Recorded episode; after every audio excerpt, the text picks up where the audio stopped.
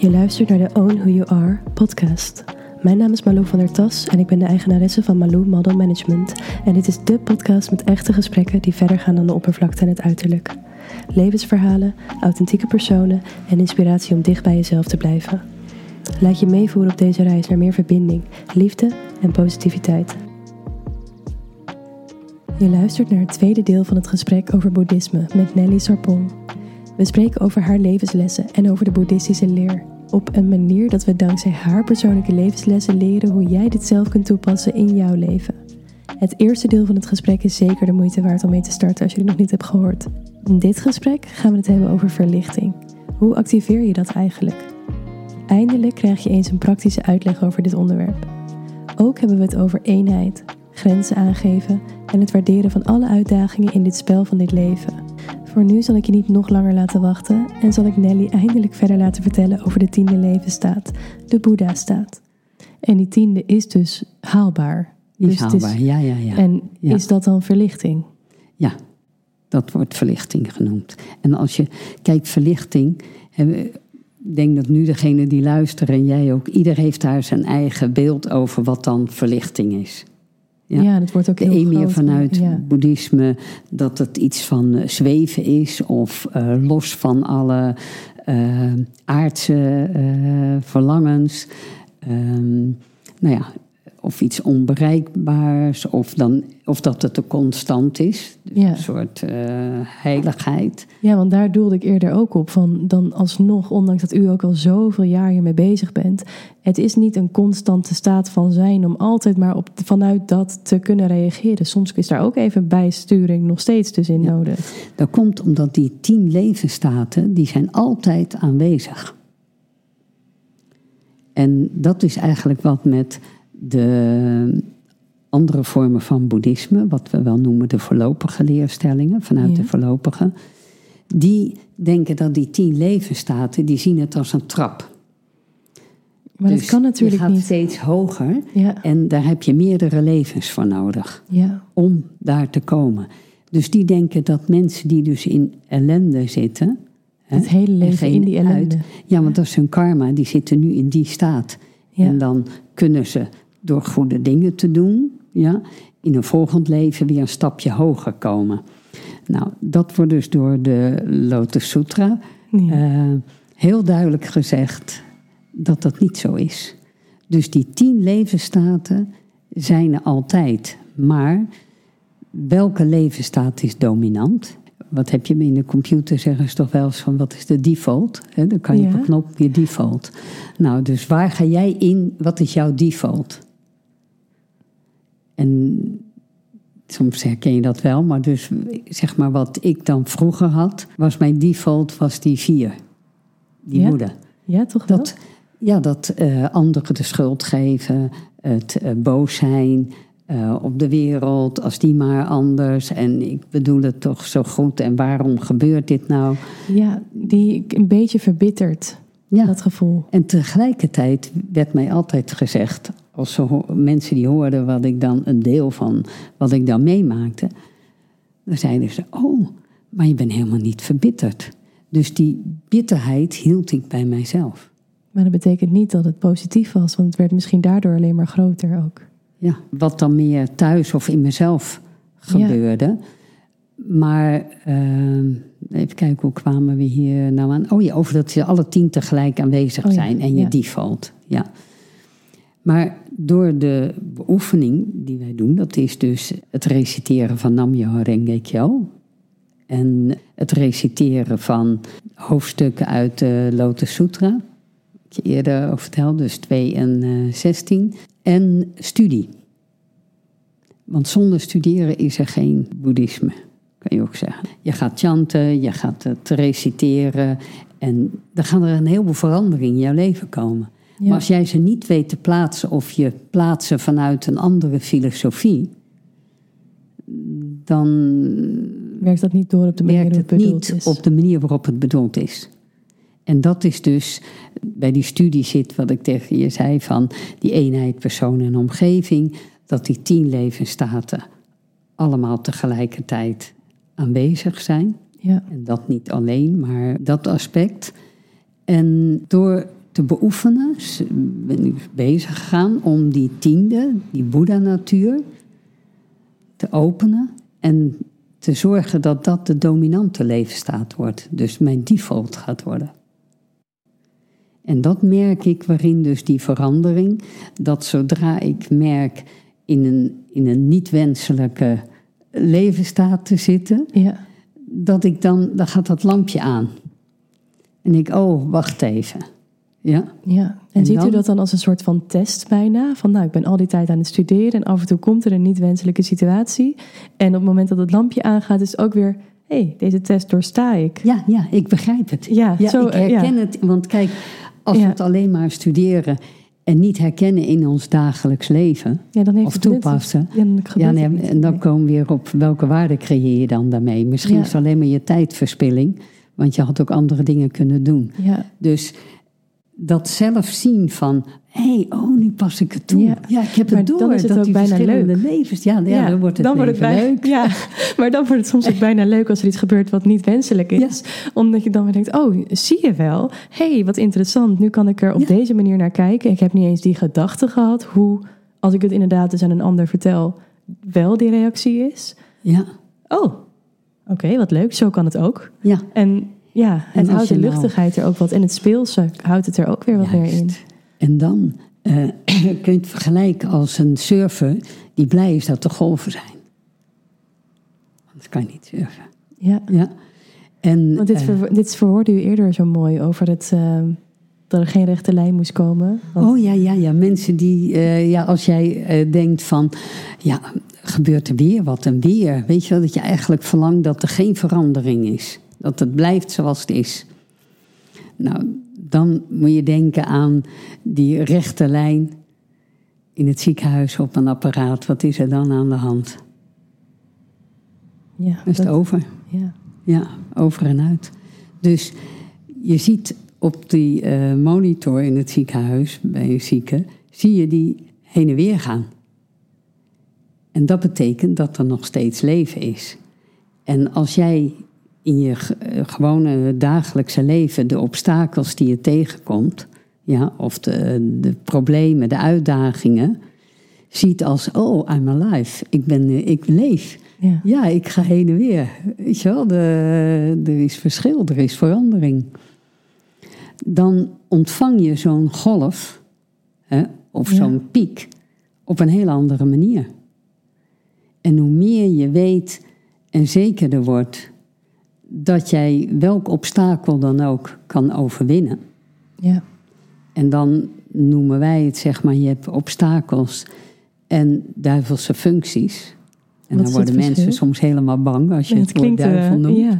Ja, ik vertelde het eens aan mijn broer en die eh, was opgeleid tot priester. Hij is het uiteindelijk niet geworden, maar hij heeft dus heel veel van eh, religie en Bijbel en noem maar op geleerd. Hij zei tegen mij: Maar kijk, duivel, dat was oorspronkelijk gewoon een woord voor kwaad. Oh, En mensen zijn kwaad gaan personifiëren. Dus daar een, om het aan mensen uit te leggen, is dat gemaakt van hoorntjes of hoe, hoe dan een duivel eruit ziet. ja. En, maar uiteindelijk was het gewoon een woord voor eh, kwaad. En eh, wij noemen het ook eigenlijk in het boeddhisme, niet alleen het, het kwaad, maar de duisternis. Dus wij hebben allemaal ons, wat ik net zei, die Boeddha-natuur, die Ja. verlichte staat. Maar we hebben ook onze fundamentele duisternis. Ik ben dus wel blij om dit te horen, want, want daar heb ik soms een beetje een hekel aan. Dat het lijkt alsof alles maar positief en licht en liefde moet zijn. Maar daar is dus ook duisternis voor nodig aan de andere kant. Om. Om dat weer te zien en om dat Ja. het allemaal te laten bestaan. Anders Ja. dan, ja, dus ook iemand die dan verlicht zou zijn, Mhm. heeft alsnog al die tien die. onderdelen in zich. Dus daar zit ook die duisternis nog in. Ja, Maar die overheerst niet. Nee, je krijgt dus dat die tiende, als je die dus steeds verder, eh, maar ja, verder activeert, maar uiteindelijk kan je hem ook in één keer activeren. Hè? Dus, Ja. Maar het ja, blijft omdat die anderen ook hun best doen. Ja. Eh, maar als die dominant is, Dat betekent niet dat dat alleen maar dat is, maar hij is dominant in de zin van hij verlicht al die andere staten. Dus in die staat zijnde brandt dat lichtje. Ik had het eh, vorige week. Ik kon niet slapen. En dan begint het dus bij mij even. Ik heb dat zelden hoor, dat ik niet kan slapen. Maar dan irriteert het me. Dat ik niet kan slapen. En dan word ik eigenlijk. Ach, ik wil slapen. Weet je, dan denk je, ja. tegen wie zeg ik dat? Weet je, zo van dat soort afdwingen om te slapen. Maar ja, hoe meer je dat doet, hoe minder je kan slapen natuurlijk. Ja. En ik voel mezelf in een, in een soort negativiteit. Weet je wel, balend en dingen. En dan komt ineens dat lichtje. Dan zie ik dat dus. Dus ineens realiseer ik me dat ik mezelf kan observeren in die duisternis. Ik herken dit heel erg. Ja? Ja, ja. Dat, ik heb het heel vaak, dit soort momentjes. Ja, ja. dat je gewoon ziet van... hé, hey, dit gebeurt nu. Het is niet ineens weg, maar ik kan het zien. Ja. En wat ik, toen, nou ja, wat ik dan gedaan heb, dan ga ik dus in mijn bed uh, Namyo Renge reciteren. Om te zorgen dat dus die verlichte staat, die duisternis eigenlijk... Uh, overstemt. Overstemt, zoals de zon de wolken weg. Ja. ja. Dus er is gewoon een wolk gekomen voor mijn zon. En dan laat ik die zon sterker schijnen en dan verdwijnt die wolk. Ja. En dan ga ik lekker slapen. Maar jij vertel eens, jij uh, herkent ja, het. Eigenlijk, ja, ik herken dit zo. Nou, slapen is uh, nu, dus in dit voorbeeld waar we het net over hadden met dat speentje. Daar bedoelde ik dat dus dat mijn dochtertje dan s'nachts weer wakker wordt. En het is de vierde, vijfde, zesde keer. Op een gegeven moment dan zit er dan weer, ja, ik wil gewoon even slapen, laat me nou. En dan zit ik zo in een soort van zelfmedelijden. Want ik wil eigenlijk gewoon slapen en het gebeurt alweer. En dat is dan eigenlijk het moment dat ik heb die eerste gedachte van, of ik spreek het inderdaad nog bijna, laat me nou een keer slapen. En meteen daarna heb ik alweer die gedachte alsof ik mezelf bijna observeer vanaf een ander hoekje. Ja. En dan zie ik mezelf daar zitten en dan denk je alsof het een wereldprobleem is. Je moet nog een keer je bed uitstappen. Zo, het is wel echt vier meter lopen. Ja, ja. een meisje die daar helemaal niet iets doet om jou kwaad te doen. Die heeft je gewoon even nodig. Nou, moeilijk hoor. ja, dat ik echt aan mezelf ook dan... En dan moet ik soms ook gewoon mezelf lachen. En denk ik, maak het zo groot. Terwijl, ja. ja, dan ben je morgen wat vermoeider. Nou, dit zal echt niet nog steeds zo zijn als ze dertig is ben echt niet nog steeds een, spe, een, een speen ding aan het on. Ja, dat is dan zo klein op dat moment weer. Dan denk ik, ja, nou laat het ook maar. En dan omdat ik in een andere energie alweer haar kamer binnenstap en daar de rust voor voel van, nou ja, dan is dit nu maar even zo. Verrassend genoeg valt ze dan ook direct in slaap en hoor ik de rest van de nacht niet meer. Ja. Dus dat effect, het is ook, ben ik daar daadwerkelijk in rust en ben ik echt even bij haar? Of zit ik daar mezelf te frustreren? Um, en vind ik mezelf heel zielig dat ik niet aan het slapen ben, maar nu weer daar moet zijn. Ja, ja. Ik zie het al gewoon allemaal gebeuren. Dan denk ik, ja, het is gewoon iets wat. Ja, een les die en ik komt misschien naar boven wat je aan het begin zei: van dat, uh, dat je eigenlijk zei met dat speentje, ja, dat heb ik eigenlijk zelf gecreëerd. Ja, en maar dat, dat is merk je natuurlijk ook in die nacht. Ja, zeker. Want dat was altijd voor mij ook. Um, ik weet dus ook dat ik dit heb gecreëerd en dat het nu nodig is om te doorbreken. Omdat zij was die makkelijke baby die altijd overal wel doorheen sliep. En nou, mijn zoontje is ook een hartstikke makkelijk vrolijk kind, maar wel veel, veel eisender. Dus die wilde niet slapen, die wilde niet in zijn eigen bed liggen. Die zat aan mij vastgeplakt ieder moment, waardoor ik blij was dat zij die behoefte niet had. Maar die behoefte had ze ook. Ook zonder speen had ze dat niet. Maar op een gegeven moment werd dat natuurlijk ook in die lockdown dat ik zat ook thuis alleen met twee kleintjes en werk ging door. En ja, dan moet je ook wat. Dus ik moest ook mm me staande houden en dingen voor elkaar krijgen. Dus als zij dan moeilijk, ja, wat is moeilijk, is ook maar iets wat we zeggen. Maar als zij lastiger deed en om haar speen vroeg, dan dacht ik, nou, geef die speen maar, want zij leek dan tevreden. Ja. En ik kon ook mijn dingen doen. Dus het was een win-win situatie. Ja. Maar dat is helemaal niet voor haar op dat moment het beste. Wat voor haar het beste was geweest, was dan ja, de behoefte die er echt zat, die te gaan vervullen. Ja. Dus ik weet dat het mijn eigen schuld als je weer een maar ik bedoel, dat is meer waar ik aan dacht. Als jij dan in die nacht van ik kan niet slapen, misschien onderliggend ook dat zelf kwalijk nemen of realiseren van ja, ik heb dat. Uh, oh, dat ook nog zelfafwijzing daar nog in terugkomt. Kan dat? Nog. dat dat meespeelt. Ja, wel in, nou, in ieder geval dat ik het haar niet echt kwalijk neem. Maar inderdaad eerder mezelf. Ja, Dus op die maar momenten... ook dat zou natuurlijk lekkerder zijn als Dat je je dat kon loslaten. Nou, gewoon Dat is wel een mooi inzicht. vanaf nu. ja, Weet dat je is wel? een vanaf mooi inzicht. nu. Want kijk, uiteindelijk, ja, wat gebeurd is, is gebeurd. Ja, Maar als ik blijf daar nu nog te veel in hangen inderdaad. Dat Ja. ik te veel inzie van, ik heb het zelf gecreëerd. Dus ik kan het haar niet kwalijk nemen. Maar je hoeft geen Maar verhalen nee, kwalijk te nemen. het is ook de situatie geweest waar je je staande inhoudt op die manier. En het nu weer doorbreekt op naar het Nee. volgende. En dan Ja, eh, doet meer denken aan wat ik zelf had van... ga meer denken in hoe. ja, Dus, want dan zit je meer ook in hier en nu, van, eh, vanaf nu. Dus dat Ja. andere is geweest, daar kunnen we over wie... Maar uiteindelijk, of het nou door die komt, die die komt. De situatie is nu, ja, ik wil slapen en zij heeft aandacht nodig. En Ja. hoe los ik dat op? ja. En dan valt er een heleboel weg. En dat is inderdaad wat ik in opvoeden soms moeilijk vind. Dat ik heel erg denk van, maar ik wil niet een verkeerde gewoonte aanleren. Of ik wil nu niet toegeven, want in de toekomst, maar dan is het ook weer toekomstgericht of verleden. En niet het Mhm. vertrouwen dat nu handelen naar wat passend is, oké is. Ja. Ja, Altijd kan het weer vanaf nu. ja, Ja. Mooi. En wat ik je nog wou zeggen, omdat je ook die vraag had over verlichting, noem je dat Ja. dan verlichting?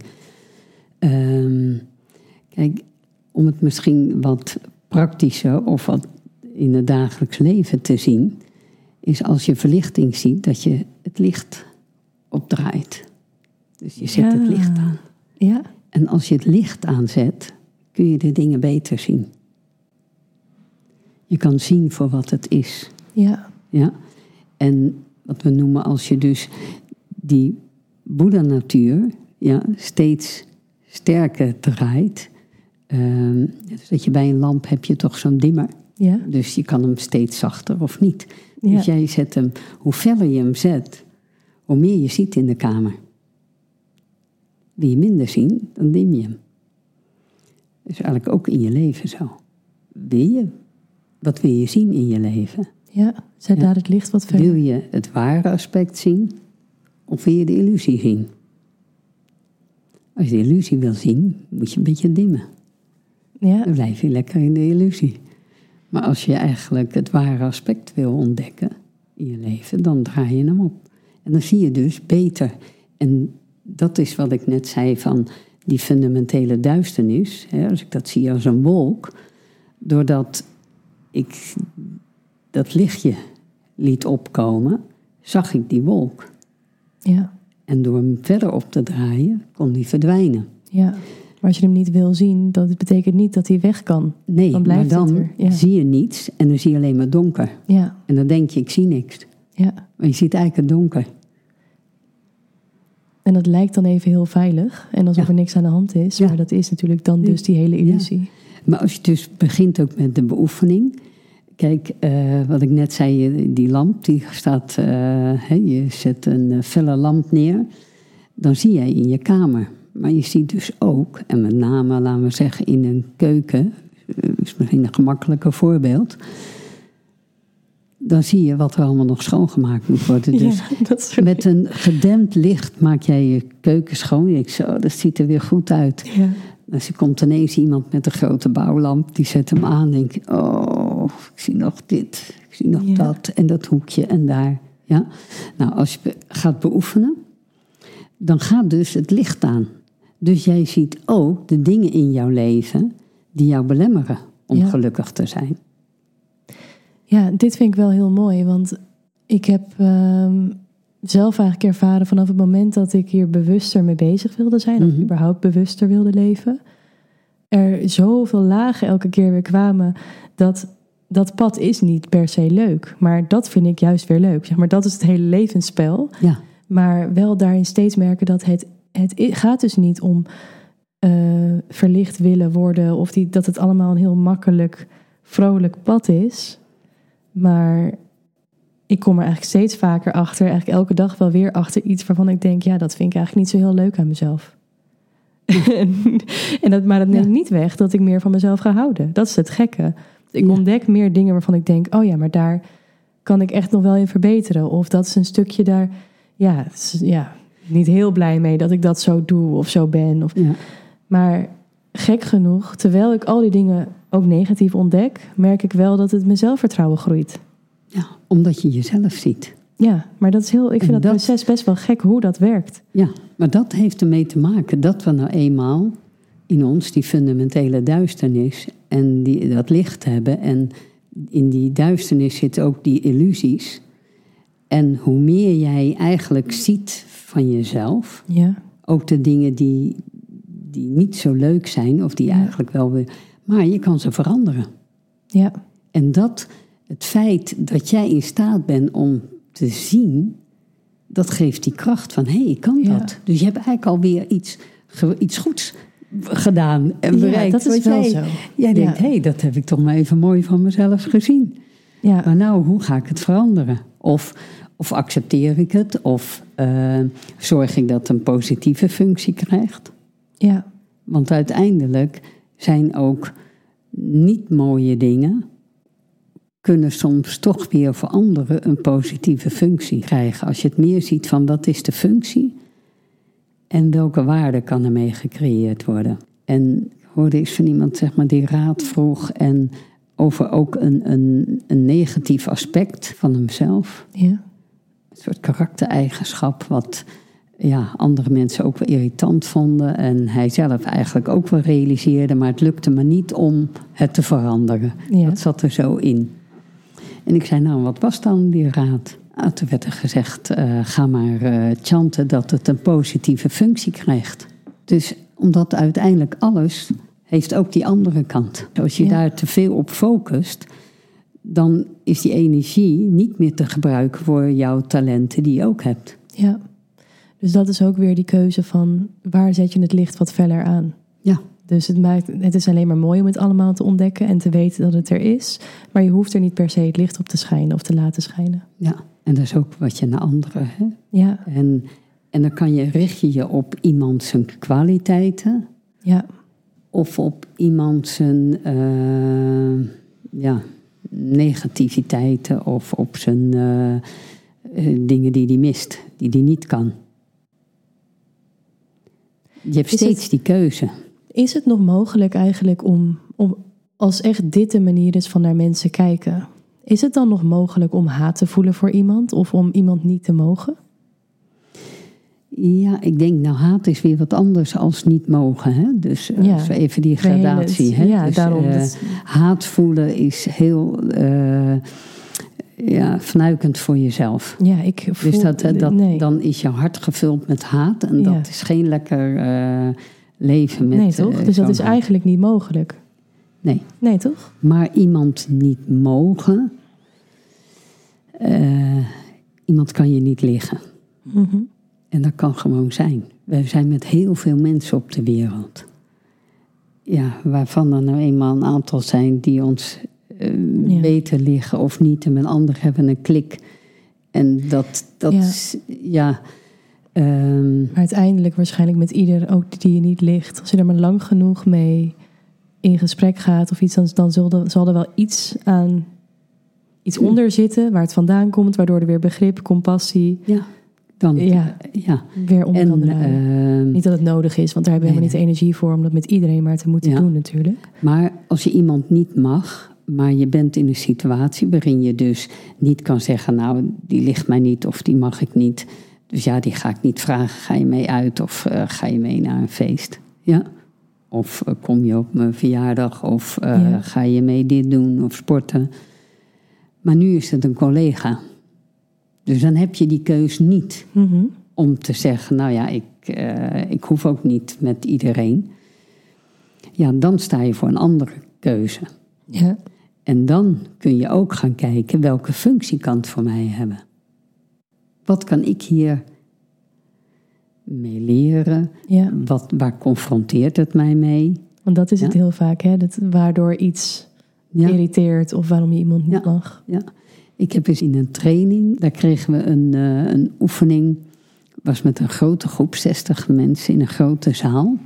Nou ja, dan heb je natuurlijk ook mensen die meteen liggen of niet. Of Ja. al kijk je alleen maar denk, oh nee, ik ga toch niet dat ik bij die persoon kom te staan, weet je, zoiets. Maar dan uh, moest je dus steeds wisselen en echt kijken naar die ander. Was het nou, maar in ieder geval moest je je indenken dat het een klein kind was.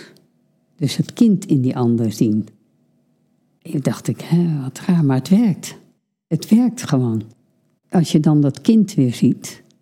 Ja, dan kun je bijna niet boos worden, want dan denk je, die, die gun je ook liefde. Ja. ja. Maar dus- dat is wel hetgene waar ik zelf wel eens de fout in ga. Omdat ik misschien iets te goed dan het kind in iemand kan zien. Mhm. En daardoor te veel uh, vasthoud aan ik snap waar het vandaan komt. En ik heb begrip voor de pijn die er zit. Of die persoon die handelt waarschijnlijk vanuit pijn. Wat wel negatieve invloed op mij kan hebben. Maar ik alsnog daarin dan begrip heb voor de ander. En dan is het denk ik weer een kwestie van de juiste grens daarin bewaken. begrip hebben betekent toegang, niet dat je alle gedrag van die andere persoon naar jou toe moet accepteren. Nee. Anders heb je geen begrip meer voor jezelf.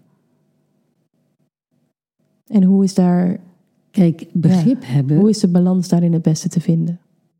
Ja, om te gaan ontdekken dat er twee verschillende dingen zijn.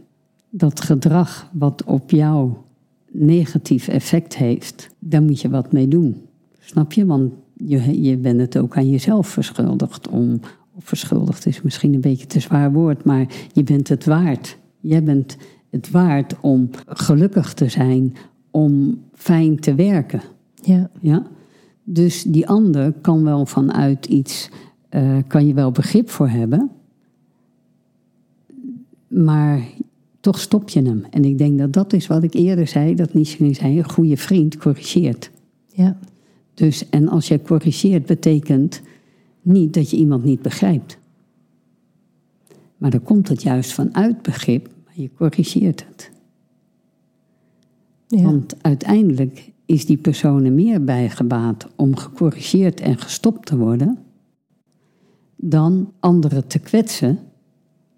En die ander die heeft maar begrip van daar komt het nou eenmaal vandaan en die gaat maar fout, maar die, die wordt nooit gelukkig.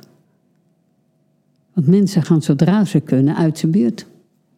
Toch? Als, jij, ja, als jij dat zoveel uh, begrip hebt en je accepteert negatief gedrag en wat geen waarde creëert en naar jou toe uh, kwetsend is, zodra jij de kans krijgt of het inziet, dan zorg je dat je weggaat. Ja. ja? Dus die, dat verschil te gaan zien, begrip en toch grenzen stellen. Het zijn twee dingen die, die kunnen tegelijkertijd bestaan. Ja. Maar dat is wat anders of jij uh, zegt grenzen stelt aan het gedrag van die ander die eigenlijk jou niet raakt. Alleen maar omdat jij vindt dat die ander zo moet zijn. Of omdat zo hoort. Dat zijn weer andere. Ja, want dat is ook natuurlijk wel een heel stuk wat vaak genoeg gebeurt. Mm Ja. En ja, Waar bemoei jij je mee? Krijg je dan van. Uh, Want hoe kijkt u daar tegenaan eigenlijk überhaupt dat hele oordelen over elkaar en bepaalde verwachtingen hebben? Dat maakt heel veel mensen alleen maar verdrietig en ongemakkelijk en ongelukkig. En uh, omdat ze de, ja, eigenlijk grenzen overgaan, waardoor het voor jezelf niet goed is, want je zet veel te veel energie in wat die ander zou moeten doen. Ja. En die ander, die vindt het vervelend, want die wordt iedere keer maar uh, ja, daarop gedrukt. Want meestal gaat het om tekortkomingen van iemand, waar je het dan waarschijnlijk over hebt. Ofwel eh, wat een ander vindt wat jij als tekortkoming hebt, of wat je anders zou moeten doen, of wat niet hoort. Ja. Maar is eigenlijk, uh, ja, voor een groot deel is het gewoon verloren energie. Ja, of heel erg gericht weer inderdaad op de buitenwereld. Want wat zouden ze wel niet denken? Of, uh... ja. Ziet u daarin verschillende generatie nu en vroeger? Ik, uh, ik hoop dat dat er echt is. Maar ik kom wel verschillend eigenlijk tegen. zowel jongeren die die dat wat hebben losgelaten. Maar ook heel veel nog die toch uh, ja, er erg rekening mee houden. Maar ja, dat komt, het is, Het is iets in ons leven wat er is. Die hele uitdaging van wie is die ander, wie ben ik? En waar liggen onze grenzen en wat doen we samen? En wat, wat, Ja. hoe zit die verbinding en die niet-verbinding? Wat ik in het begin zei van, ja, wij zijn twee, maar eigenlijk zijn we ook één. En ja, hoe zit dat dan? Dus als je daar eigenlijk de, misschien als een soort sport kan zien, als Ja. uitdaging van in het leven om daarmee om te kunnen gaan. Van hoe, hoe, hoe, hoe doen we dat samen? Ja. dan wordt het al anders. Of welke waarden kunnen we ermee creëren? Of misschien welke waarden halen we onderuit wanneer we dat doen? Is er een waarde die bij u opkomt als u dit zegt? Ja, de, de waardigheid van een ander eigenlijk versterken of verminderen. En als, je, als je die, dan eh, ja, kun je zeggen het ene is, is in mijn ogen gewenst en het andere niet. Maar ja, en dat is weer het mooie. Wanneer er eigenlijk weer iets naar jou toe komt waarbij jij het gevoel hebt of echt waar jouw waardigheid naar beneden wordt gehaald, dan wordt dat door die ander gedaan. Maar het is aan jou of jij het dan ook van jezelf doet. Of je ook je eigen waardigheid naar beneden haalt. Ja. Of dat je kan zien, ja, maar ik ben eigenlijk eh, gewoon heel anders dan die persoon nu eh, denkt. Of die wil mij, of die wil misschien niet eens. Hij doet het. Want heel vaak is, die, is dat doel er niet eens. Maar is het meer vanuit hun eigen onvrede waaruit het ontstaat Ja. dan het bewust die ander. Want als iemand echt zelf eh, zich goed in zichzelf voelt en zijn waarde voelt en zijn plannen heeft en bezig is met hoe en, en die heeft geen behoefte om een ander te kleineren. Nee. Waarom zou die dat doen? Dus, en als jij gekleineerd wordt, of eigenlijk als iemand dingen zegt of doet die jou kunnen kleineren, dan ben jij daar zelf nog. Waardoor het Maar is soms heel moeilijk. niet, niet echt binnen kan komen. Als Ja. dat, ja. Maar dat is niet gemakkelijk. Omdat als je niet bewust bent of niet doet, dan kleineert het je. ja. En Dus elke keer ook daarin weer die beoefening van bij iedere situatie eerst even langs die soort van ja, beoordeling laten gaan van is dit terecht? Wil ik hier iets mee? kan ik er Leert waarde mee iets? creëren en, Ja. en waardigheid. Ja. Ja, En kijk, eh, en ook grenzen daarin stellen. Ik bedoel, als iemand jou eh, constant aan het eh, neerhalen is, uitschelden, steeds maar laten weten dat je niet veel waard bent, dat dit niet goed is, dat niet goed is. Ja, hoe, hoe lang wil je dat aanhoren? ja, Ja, want als je besluit om dat blijvend te aanhoren, dan heeft het effect op jou. ja, En ga jij op een gegeven moment zelf niet helemaal geloven, maar je, je geloof in je eigen waarde wordt wel eh, enorm eh, ja, uitgedaagd of eh, neergehaald. En in mijn opleiding hadden we toen een eh, training. En om dit dus te, mee te maken, dus de medestudenten, die moesten dan, een student, eh, neer gaan halen. Dus je wist, het is, het is opdracht van die docent aan jouw medestudenten om jou uit te schelden, alles Ja. naar beneden te halen. En je weet het, dat ze het niet menen, en toch komt het binnen. en toch komt het binnen. Nou, dat eh, heeft me in de tijd eh, ja, heel veel bewustzijn gegeven van, ja, dat gebeurt. Maar op het moment weer dat ik weet dat het gebeurt, ga ik als het eh, daarna, als het dan in werkelijkheid gebeurt, anders mee om. En hoe anders? eh, een soort verdediging of een, een, je zorgt gewoon dat dat andere alert blijft. Dus Ja, die alertheid houdt, ja, dat is van die persoon niet, dat ben ik niet. Ja, En daarna weer ja, jezelf waarde opvijzelen. Maar het blijft een lastig punt. En daarom eh, ja, heb ik voor mezelf meer gezien van eh, die grenzen stellen. Van ik accepteer het gewoon niet. Ja. Klaar. Ja. Tot hier en niet verder. Ja, mooi dit. Maar echt diepe veranderingen kwamen er eigenlijk na dat ik ben gaan beoefenen. En wat ik je net eigenlijk de andere dingen al verteld heb: van de beoefenen is niet alleen maar het reciteren, maar ook het leven bekijken en leven vanuit een andere filosofie. Ja, dus Ja. ook wat er op je pad kwam, dingen, situaties die er kwamen, Ja, was het waarschijnlijk niet meer het slachtofferschap of nee. negativiteit, maar eerder kijken naar het licht schijnen op wat het echt was en hoe Ja. je dat wilde zien. Ja, en daardoor ging ik anders kijken en meer verantwoordelijkheid nemen voor mijn eigen leven Ja, en mijn eigen acties. Heeft dus te maken met mijn karma. Het zijn dingen die in mijn leven gebeuren. ja, Het is iets van mij, ja, wat in mijn leven lag. Ja. En door dus op een andere manier naar het leven te kijken en naar mijn leven en mijn verantwoordelijkheid, en dan zien van eh, een soort van dankbaarheid of blijdschap. Wauw, als ik dit dan toch mee moest maken. dat, Ja. dat is echt het cadeau wat het leven dan teruggeeft door dat op die manier te gaan doen. Juist. Ja, En dat is weer, als jij verandert, verandert je omgeving. ja, En veranderen kan zijn gedrag, eh, gedragsverandering. Het kan zijn dat je anders spreekt. ja, Maar het kan ook zijn dat je anders denkt of een andere houding. En je zal zien, door je andere kijken naar, ja. gaan er ook andere dingen gebeuren. Heel mooi.